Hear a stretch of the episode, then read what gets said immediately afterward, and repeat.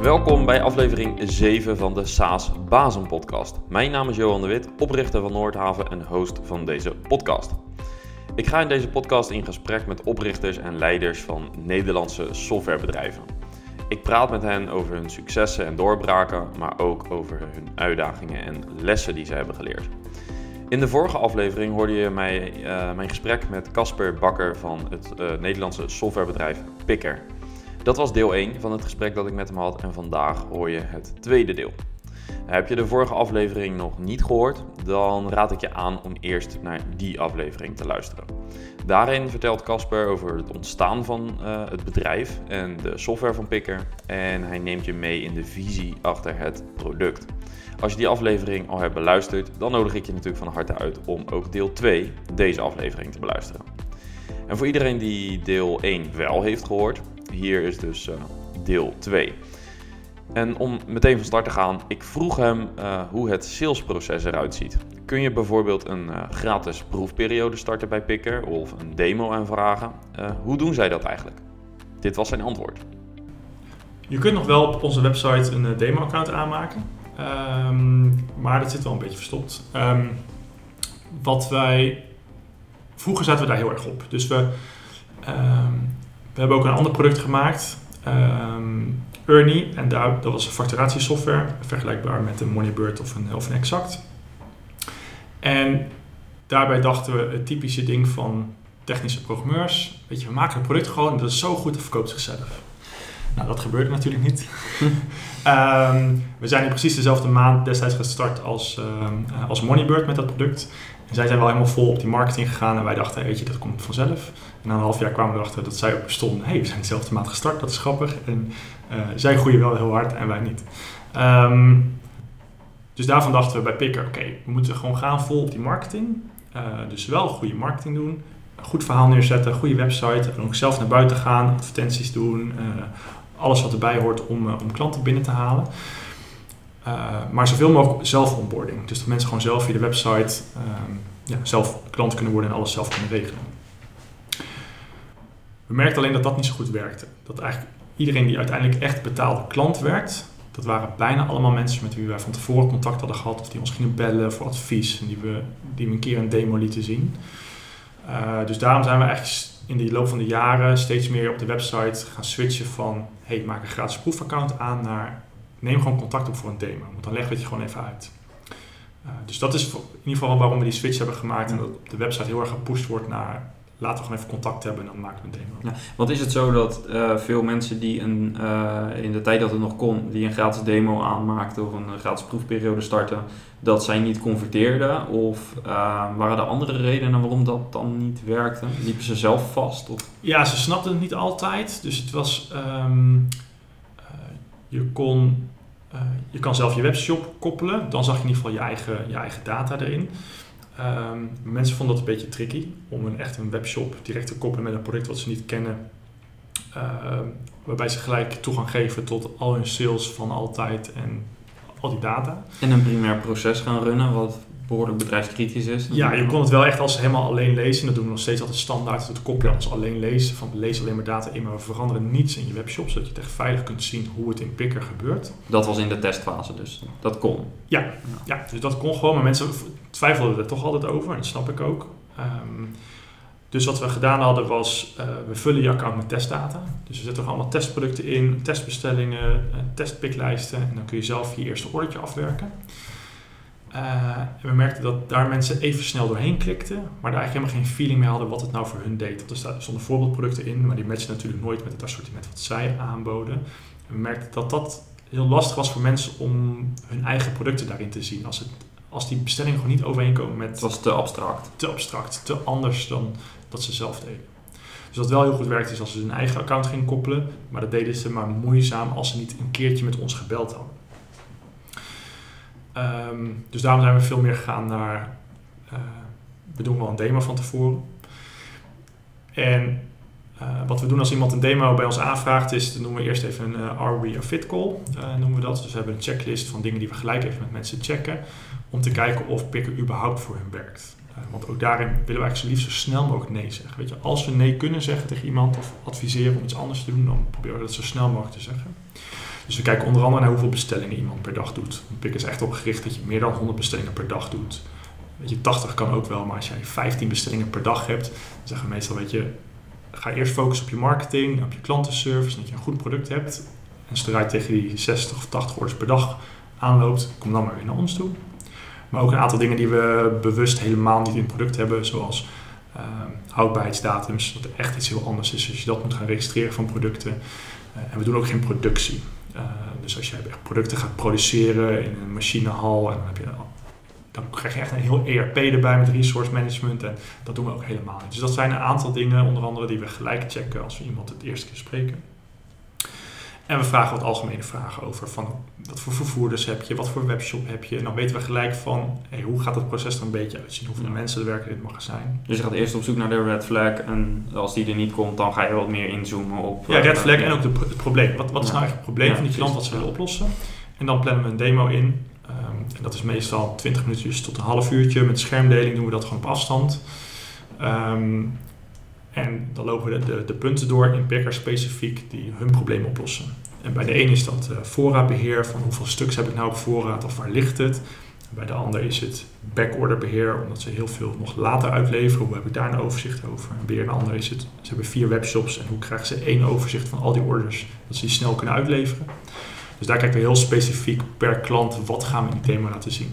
Want vroeger deden we eigenlijk ging heel pikker af. Ging gewoon het menu af. Oké, dit zijn al je producten, dat werkt zo. Dan dit zijn je bestellingen. Uh, en dan duurt het soms al een uur of zo. Misschien allerlei implementatievragen al gelijk stellen.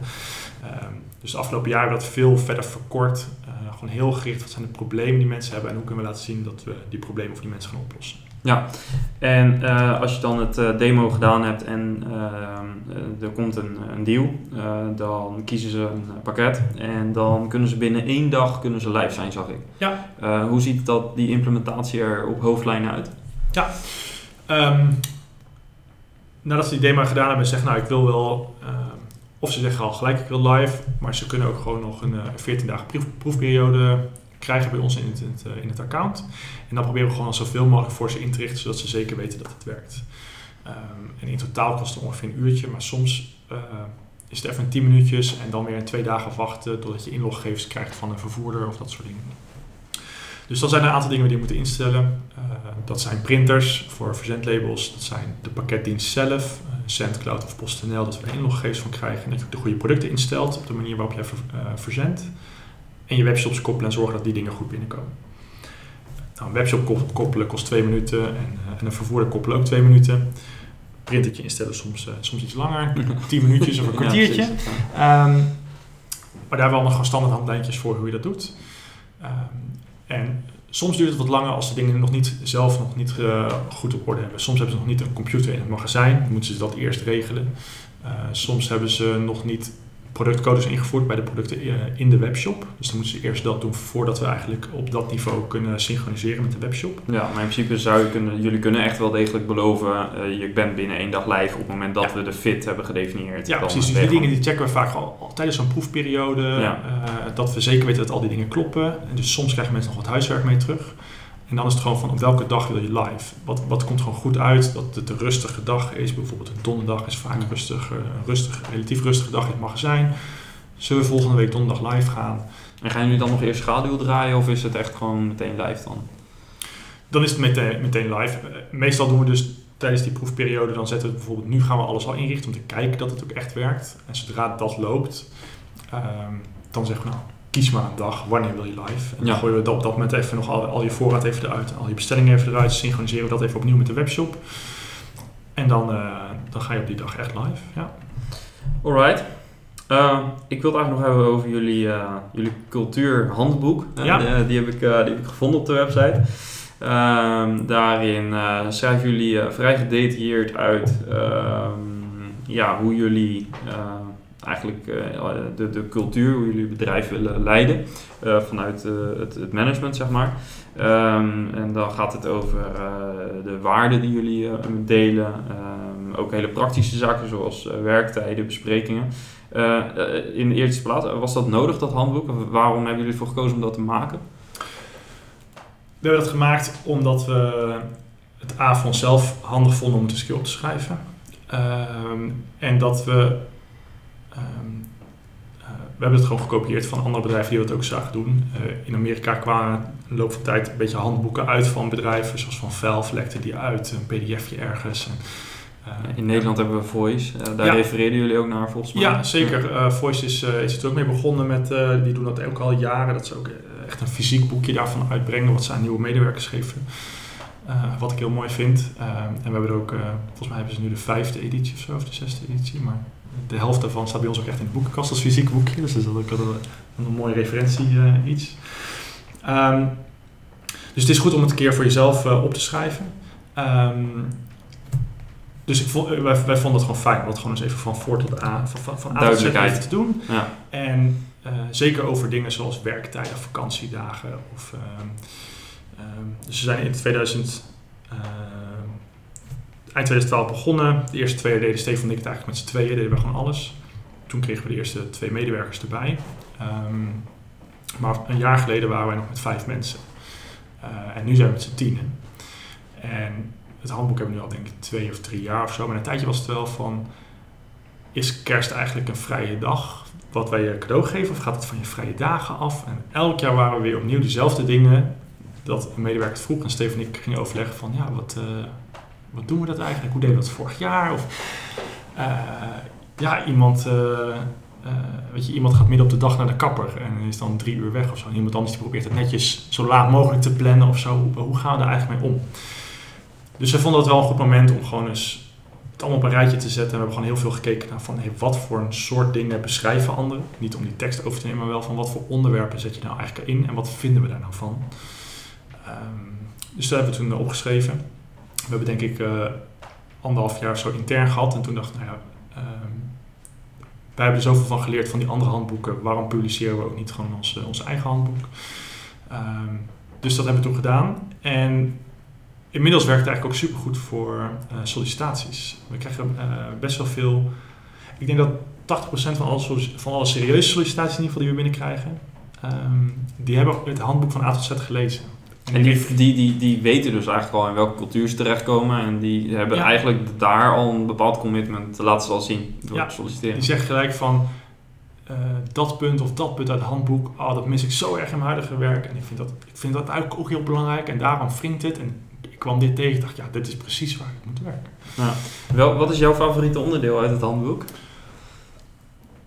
Ik vind ze allemaal wel mooi eigenlijk. En eh, da- daarom zijn het er eigenlijk ook een beetje te veel. Ik wilde eigenlijk nog een paar schrappen, omdat ze voelen wel veel. Volgens mij weet ik iets van 13 of 14 of zo, 15, ik weet het niet eens. Ehm, ik, vind, het- ik vind best wel veel. Ik denk dat we nog meer moeten focussen op wat, wat is Ook daar minimaliseren. Ja, Ja. Ehm, maar daarom zijn het er nog zoveel, omdat ik ze allemaal mooi vind. Ehm, eh, voor, in de voorbespreking had het al even over eh, Done is better than perfect. Nou, dat is echt iets waar we heel erg in geloven. Dat is bijvoorbeeld ook waarom we dus kijken naar wat kunnen we in zes weken of in twee weken maken. En dat lanceren we gewoon, ongeacht welke dingen er afvallen. Eh, want dan kunnen we gewoon weer leren. En dan is het misschien niet perfect. Ehm, maar laten we gewoon iets lanceren, kijken wat mensen ervan vinden. En dat we daarop weer kunnen itereren op basis van de feedback die mensen geven. Kan deze ook eh, in conflict zijn met eh, een bepaalde kwaliteitsnorm? Want eh, in alles wat je zegt, nu, vandaag, maar ook online hè, op de website, ehm, geef je wel het gevoel dat het altijd goed moet zijn. Hè? Een, een, Ja. deg- een heel degelijk product. Ja. Het hoeft niet al te fancy te zijn, dat, dat waren ook je woorden tijdens het, de voorbespreking.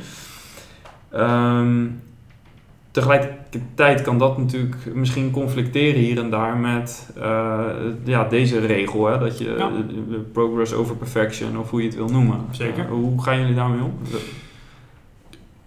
Ten eerste betekent eh, dat het niet perfect is, betekent niet dat het er niet mooi uit hoeft te zien, bijvoorbeeld. Hè? Dus je kunt, ehm, als we zeggen, een bepaald onderdeel kan 16 features hebben. Eh, we kunnen beter zorgen dat er maar 6 features af zijn en dat die ook gewoon goed werken. Dan dat we zeggen, oké, we moeten ze alle 16 aanraken en ze zijn alle 16 een beetje half.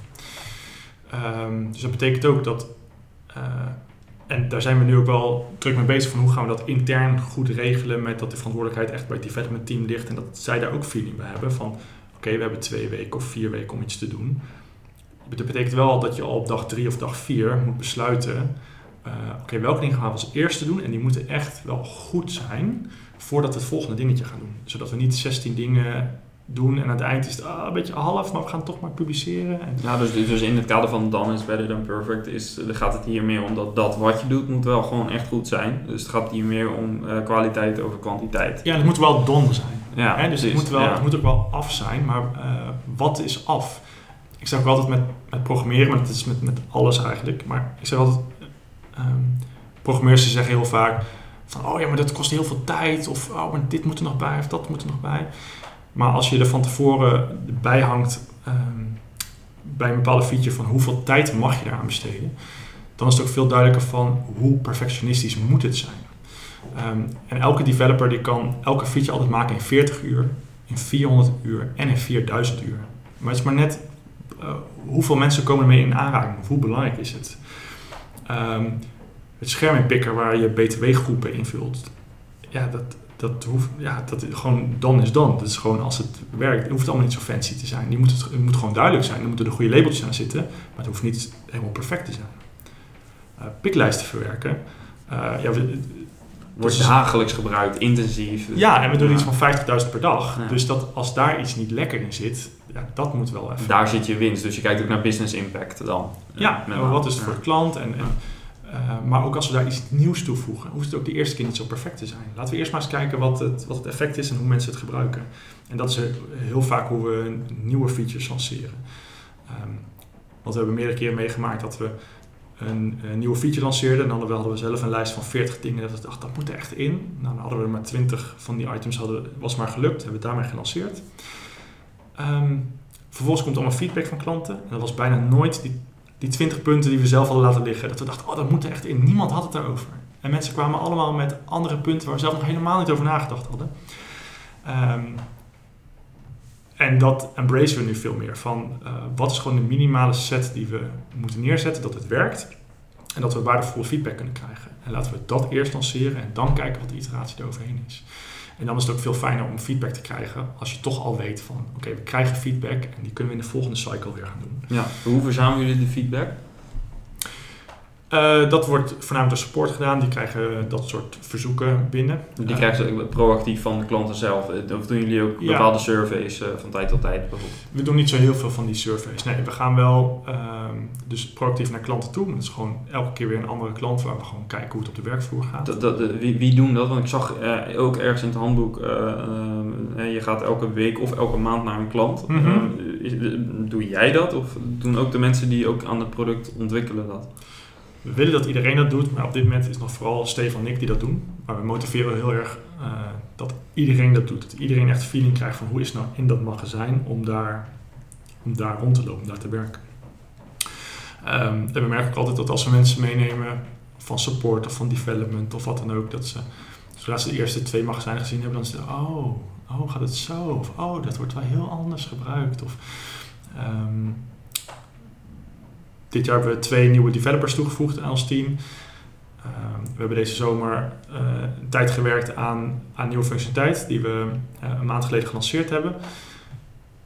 Maar toen we er een paar weken aan gewerkt hadden, zijn we naar een klant gegaan eh, om het daar te laten zien hoe het werkte en dat zij het gelijk konden gaan gebruiken. En die, voor die twee developers was het dus nieuw daar. En die keken echt hun ogen uit van, oh, werkt het zo? En die, eh, ja, die begonnen gelijk allemaal dingen op te schrijven wat er allemaal niet goed ging bij die klant. Of wat ze nou zagen van, oh, dat is maar een 15 inch schermpje wat ze hiermee werken. En dat is eigenlijk een heel slecht contrast. En die highlights die we doen op die regels, dat is eigenlijk helemaal niet te zien als je zo'n type beeldscherm hebt en je staat er twee meter vanaf. Mm. Dus, ehm, eh, ja, dus dat, is, dat zijn dingen die je pas merkt als je daar bij die klant bent. En daarom moet eigenlijk iedereen zoveel mogelijk naartoe. Maar ja, als je, je hebt altijd je eigen dagelijkse dingetjes en je to-do-lijstjes en je zit daarin. Eh, voor mezelf is dat ook zo. Dus voor mezelf heb ik zelf een herinnering ingesteld elke week van plan een nieuw klantbezoek. Eh, zodat je dat wel blijft doen, omdat je, je krijgt er zoveel waardevolle feedback uit. Elke keer als ik er ben, vind ik het zo leuk om met zo'n klant mee te kijken en daar te zien hoe ze het gebruiken en de tips die ze geven. Of, De dingen die ze zeggen, of misschien ook de dingen die ze juist niet zeggen, daar kun je heel Ja. veel informatie uit halen. Ja, Ja. zeker. En soms dan voelen ze zich een beetje beschaamd of zo als er iets bijvoorbeeld misgaat. Wat, wat gewoon een bug is eigenlijk in het systeem. Maar wat ze denken dat ze zelf verkeerd geklikt hebben. Zo, dan klikken ze ergens aan. Oh, oh, sorry, nee, ik doe het even opnieuw. En dan zeg oh nee, wacht, waar, waar klikt hij op? Want ik denk niet dat je dit zou moeten zien. Dus ik ga het gelijk opschrijven. Dat moeten we fixen. Ja. Ehm, eh, ja, en mensen zijn ook eh, heel ehm, heel- ja, blij met dat ze picker hebben. En dat, ze hebben vaak zo'n gigantische productiviteitsboost en vertrouwen gekregen in een magazijn dat ze pickers zijn gaan gebruiken. Eh, dat het super leuk is om als mensen een paar maanden met picker aan de slag zijn, om dan langs te gaan, om te horen wat al die dingen zijn die ze, die ze beter hebben. En heel vaak als ze dan een foutje vinden, dan, of een suggestie hebben, dan zijn ze er heel, heel beleefd over of zo van. Ja, ik kan, kan, kan nog wel één klein dingetje. Misschien kun je eens kijken en misschien dat het handig is hoor. Ik geef het gewoon maar even aan. Maar kijk, als je hierop klikt. En, Eh, dat is heel anders dan soms dat mensen aan de telefoon zitten van... Ja. Je moet echt dit doen, want eh, ik denk dat iedereen het nodig heeft. Ja. En dan is het misschien ook net op een, eh, het heetst van de strijd, terwijl dit soort Tuurlijk, momenten het juist net als mis. tijd Ze hebben net een boze klant aan de telefoon gehad met klantenservice. Dus ik snap het ook goed waar het vandaan komt als, als er een probleem. Ja. Maar het is, als er geen aanleiding is en je bent gewoon bij mensen... Nou, het is heel waardevol, omdat heel leuk om te doen. Ja. Om bij klanten langs te gaan, te zien hoe ze het in de praktijk gebruiken. Ja, mooi. Ehm, tot slot nog even jouw ehm, rol. Ja. Ehm, en je bent eh, eh, samen met je co-founder, eh, of eigenlijk twee co-founders ben je begonnen. Eh, jullie zijn nu samen als, als twee aandeelhouders over, om het zo maar te zeggen. Hoe zou je jouw rol eh, nu omschrijven ten opzichte van eh, een aantal jaar geleden? Wat, wat zijn de veranderingen geweest? Ja, zeker het afgelopen jaar wel behoorlijk groot. Ehm eh, Steven en ik deden eigenlijk alles. Ehm, en we deden ook alles in huis, want we, heel veel dingen die we uitbesteden waren tevreden over. dachten, nou, we gaan het toch gewoon maar weer zelf doen. Wat voor dingen besteden jullie bijvoorbeeld uit? De, marketing hebben we een keer uitbesteed.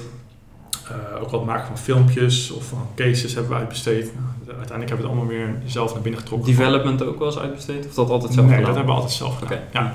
Ehm, toen we cashflow positief eh, waren, dat was ehm, eh, een jaar nadat we, dat we de rest verkocht hadden. Wat overigens een heel fijn gevoel was voor onszelf. Dat was echt, ik ging van de een op de andere dag ging beter slapen. Dat was, toen ik een week later op terugkeer, dacht ik, wow, dit is echt een big moment voor ons geweest dat we cashflow positief waren. Dat het van dat moment niet meer uitmaakte hoe hard we groeiden of welke klanten we binnenhaalden, als we het maar leuk hadden en gewoon een mooi product bouwen. Ehm, eh, maar we deden dus alles zelf. We, we, we, we werkten met z'n tweeën en, en alle marketing, alle sales, alle development, eh, alle support. We deden alles, alles zelf. In het begin gingen we eigenlijk zoeken naar, oké, er moeten developers bij. Dus laten we, eh, laten we vacature uitzetten voor developer. Dat is heel moeilijk om een goed iemand te vinden. En toen dachten we ook, toen viel bij onszelf op van, als het druk is, dan gaan we eigenlijk, eh, sales vinden we het minst leuk omdat we allebei introvert zijn. Dus we zitten veel liever in die code te duiken. Of gewoon een klant die we al jaren kennen om die te helpen. Dan om... Ja, dat is een demo-aanvraag. Ja, shit, moet, moet ik iemand gaan bellen die ik niet ken. Een beetje spannend, ja. ja, dus toen dachten we van, we kunnen beter eh, mensen gaan aannemen voor de dingen die we niet kunnen. Want ja, developer kunnen we wel. Dus als we nog een jaartje langer moeten developen, prima. Dus zijn we eh, eerst een sales iemand gaan aannemen. Eh, die werkt nog steeds bij ons, Bram. Daar zijn we super blij mee. Ehm, ja, toen zijn we eigenlijk meer mensen gaan aannemen voor marketing en voor sales en voor allerlei dingen. En eigenlijk tot, zeker tot twee maanden geleden programmeerde Stefan en ik wekelijks en misschien zelfs ook nog dagelijks. eh, ontwikkelden wij echt nog aan de code en, en zaten we er echt vaak eh hielpen we gelijk mee met support om echt gelijk klanttickets te behandelen en zo. En een jaar geleden waren we nog met z'n vijven. Dus waren Stefan, ik, ehm, twee developers en één iemand voor sales. Eh, dus Stefan en ik deden samen alle support. Maar we deden ook de marketing en een groot gedeelte van development. Ehm, en nu zijn we met z'n tien. En eigenlijk hebben we voor elke rol hebben we wel iemand. En zeker de laatste maanden zijn we echt heel erg aan het switchen van... eh, wij moeten helemaal uit die operatie. We hebben dat ook altijd gezegd. Van, eh, we willen dat... ehm, we willen dat Steven en ik gewoon allebei een maand lang weg kunnen zijn. En dat dan alles gewoon doordraait. En dat, dat we dan gewoon trots zijn op de dingen die er gebeuren. Wanneer zijn jullie op dat punt, denk je? Nou, we hebben dat altijd gezegd. Van, hé, hey, dat, dat willen we graag. Maar we zaten altijd zo erg in die operatie dat we dachten, oh, maar dat, eh, ja, als we daar over een jaar kunnen werken of zo, zou dat mooi zijn als we over een jaar kunnen werken. En begin dit jaar hebben we heel veel eh, nieuwe mensen aangenomen. En Uh, een paar daarvan waren gelukkig dapper genoeg om te zeggen van... Ja, jullie roepen het wel, van dat het ooit een keer aankomt, maar misschien is dat nu al wel. En misschien belemmer je ons wel om ons werk te doen, omdat je te veel bij jullie houdt. Dus is dit niet het moment dat je moet zeggen, we gaan een maand weg en doe het allemaal maar zelf. En laten we maar kijken wat er gewoon omvalt. Dus ook daarin weer misschien wel weer done is better than perfect. Laten we, laten we het maar gewoon doen in plaats van dat het allemaal perfect moet. Um, dus dat was voor ons wel echt een wake-up call geweest. En we zijn daar nu echt uh, super hard mee bezig om alle verantwoordelijkheden neer te leggen bij de teams zelf. En ze te empoweren dat ze die dingen zelf goed kunnen doen. En heel erg uit de operatie te gaan. Um, ja, dan valt ook gelijk op waar het allemaal nog niet echt kan. En, waar we dus echt wekelijks aan werken om te zorgen dat het elke week weer een stapje beter kan. Uh, maar ik programmeer op dit moment behoorlijk weinig nog. Stefan denk ik helemaal niet meer. Uh, ik beantwoord misschien één support mailtje per week of zo nog wat direct aan de klant gaat. Verder is echt alleen maar intern tips geven over hoe ze het kunnen doen of waar ze een technisch probleem kunnen vinden. Hoe bevalt die rol? Ja. Ja, wel goed. Ik uh, vind het wel leuk om te doen. Het is ook wel heel moeilijk, vind ik. Het is ook iets wat ik niet geleerd heb of wat ik nooit ervaring mee gehad heb. Omdat Hoe zorg je toch dat je daar die kennis of die skills uh, aanleert? Wat, wat? Veel lezen, veel podcast luisteren over hoe andere mensen dat doen. Um, ja, en ook wel veel luisteren naar, naar het team van wat zij fijn vinden en waar zij merken dat, dat er nog frictie is omdat ze bepaalde dingen niet goed kunnen doen. Um, ja, en op dit moment uh, gaat het op zich best goed, gewoon de, de transitie daar naartoe. En de mensen vinden het ook leuk, mensen, uh, de mensen worden enthousiast van dat ze, dat ze meer en meer zelf kunnen doen. Um, dus ja, ik vind dat wel heel leuk. Ja, en als we twee jaar verder kijken, hoe ziet dat er dan ongeveer uit? Uh, ben je dan inderdaad regelmatig een maand weg? Ja, dat hoop ik. Ja. nee, ik vind het ook wel heel leuk om te werken aan die strategie.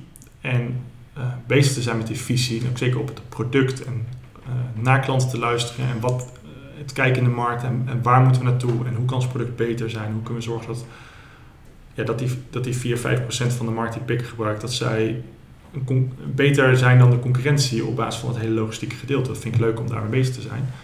En ook om de mensen te coachen. Ik vind het gewoon echt heel leuk om te zien dat je mensen kunt coachen en dat ze ook echt beter worden in die dingen. En dat ze zelf ook blij zijn dat ze die dingen weer beter kunnen. En dat ze zelf de progressie zien. Dus ik vind het wel heel leuk om te doen. Ik vind het wel heel moeilijk. En soms verlang ik ook wel weer eens terug naar gewoon in mijn eentje in een hokje. Gewoon Veilig. Ja, gewoon, ja. Uh, en ook met niemand wat te maken. Want uh, Stefan en ik hebben uh, twee, drie jaar lang met z'n tweeën gewerkt. En daar hadden we ook, de meeste dagen dan overlegden we niks met elkaar. We waren gewoon allebei deden gewoon ons eigen ding en waren super productief. Je hebt wel heel veel communicatie nodig, wat allemaal niet direct productieve, productiviteit is. Dus als alles ooit een keer mislukt, dan, dan ga ik dat doen, denk ik. Dan ga ik gewoon in mijn eentje gewoon weer developen aan één product en dan heb ik met niemand wat te maken. Maar, uh, maar ik vind deze rol wel heel leuk. het past niet zo goed met in combinatie met ook, ook, operationeel bezig zijn. Je zit misschien nu te veel nog in een tussenfase. En ben je misschien twee, drie jaar verder, wordt, is het verschil tussen die eh, zelfsturende teams, zeg maar, en jou als meer coach en naar degene die het, het grote plaatje bewaakt.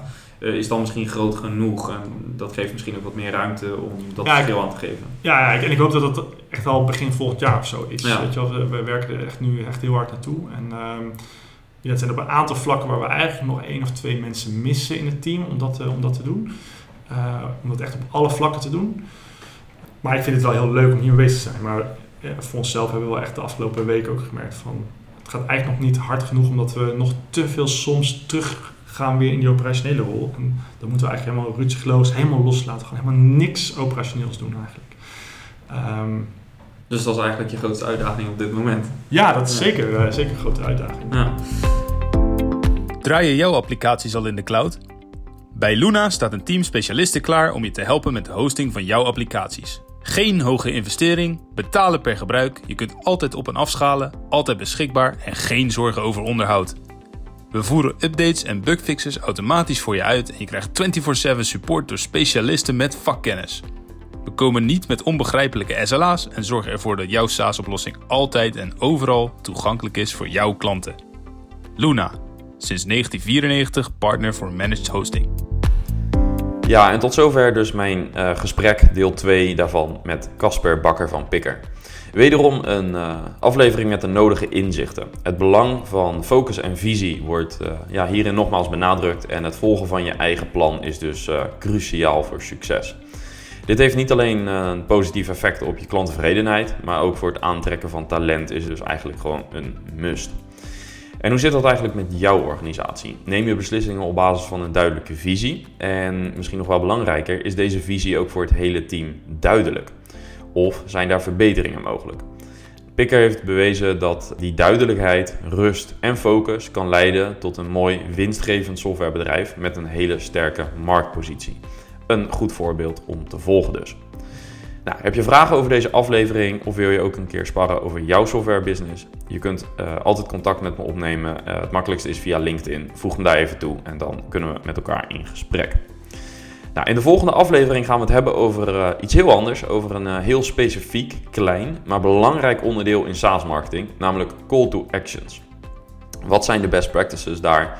Welke teksten gebruik je en hoe zit het eigenlijk met plaatsing op je website? Nou, je ontdekt hoe je met kleine tweaks een flinke conversieverhoging kunt realiseren. In de, in de volgende aflevering vertel ik je daar dus uh, alles over. En ik hoop natuurlijk dat je er dan ook weer bij bent. Tot slot, vond je deze podcast waardevol? Laat een review achter in de podcastspeler van jouw keuze. Uh, dat is voor jou een, een paar seconden werk en uh, je bewijst mij een grote dienst.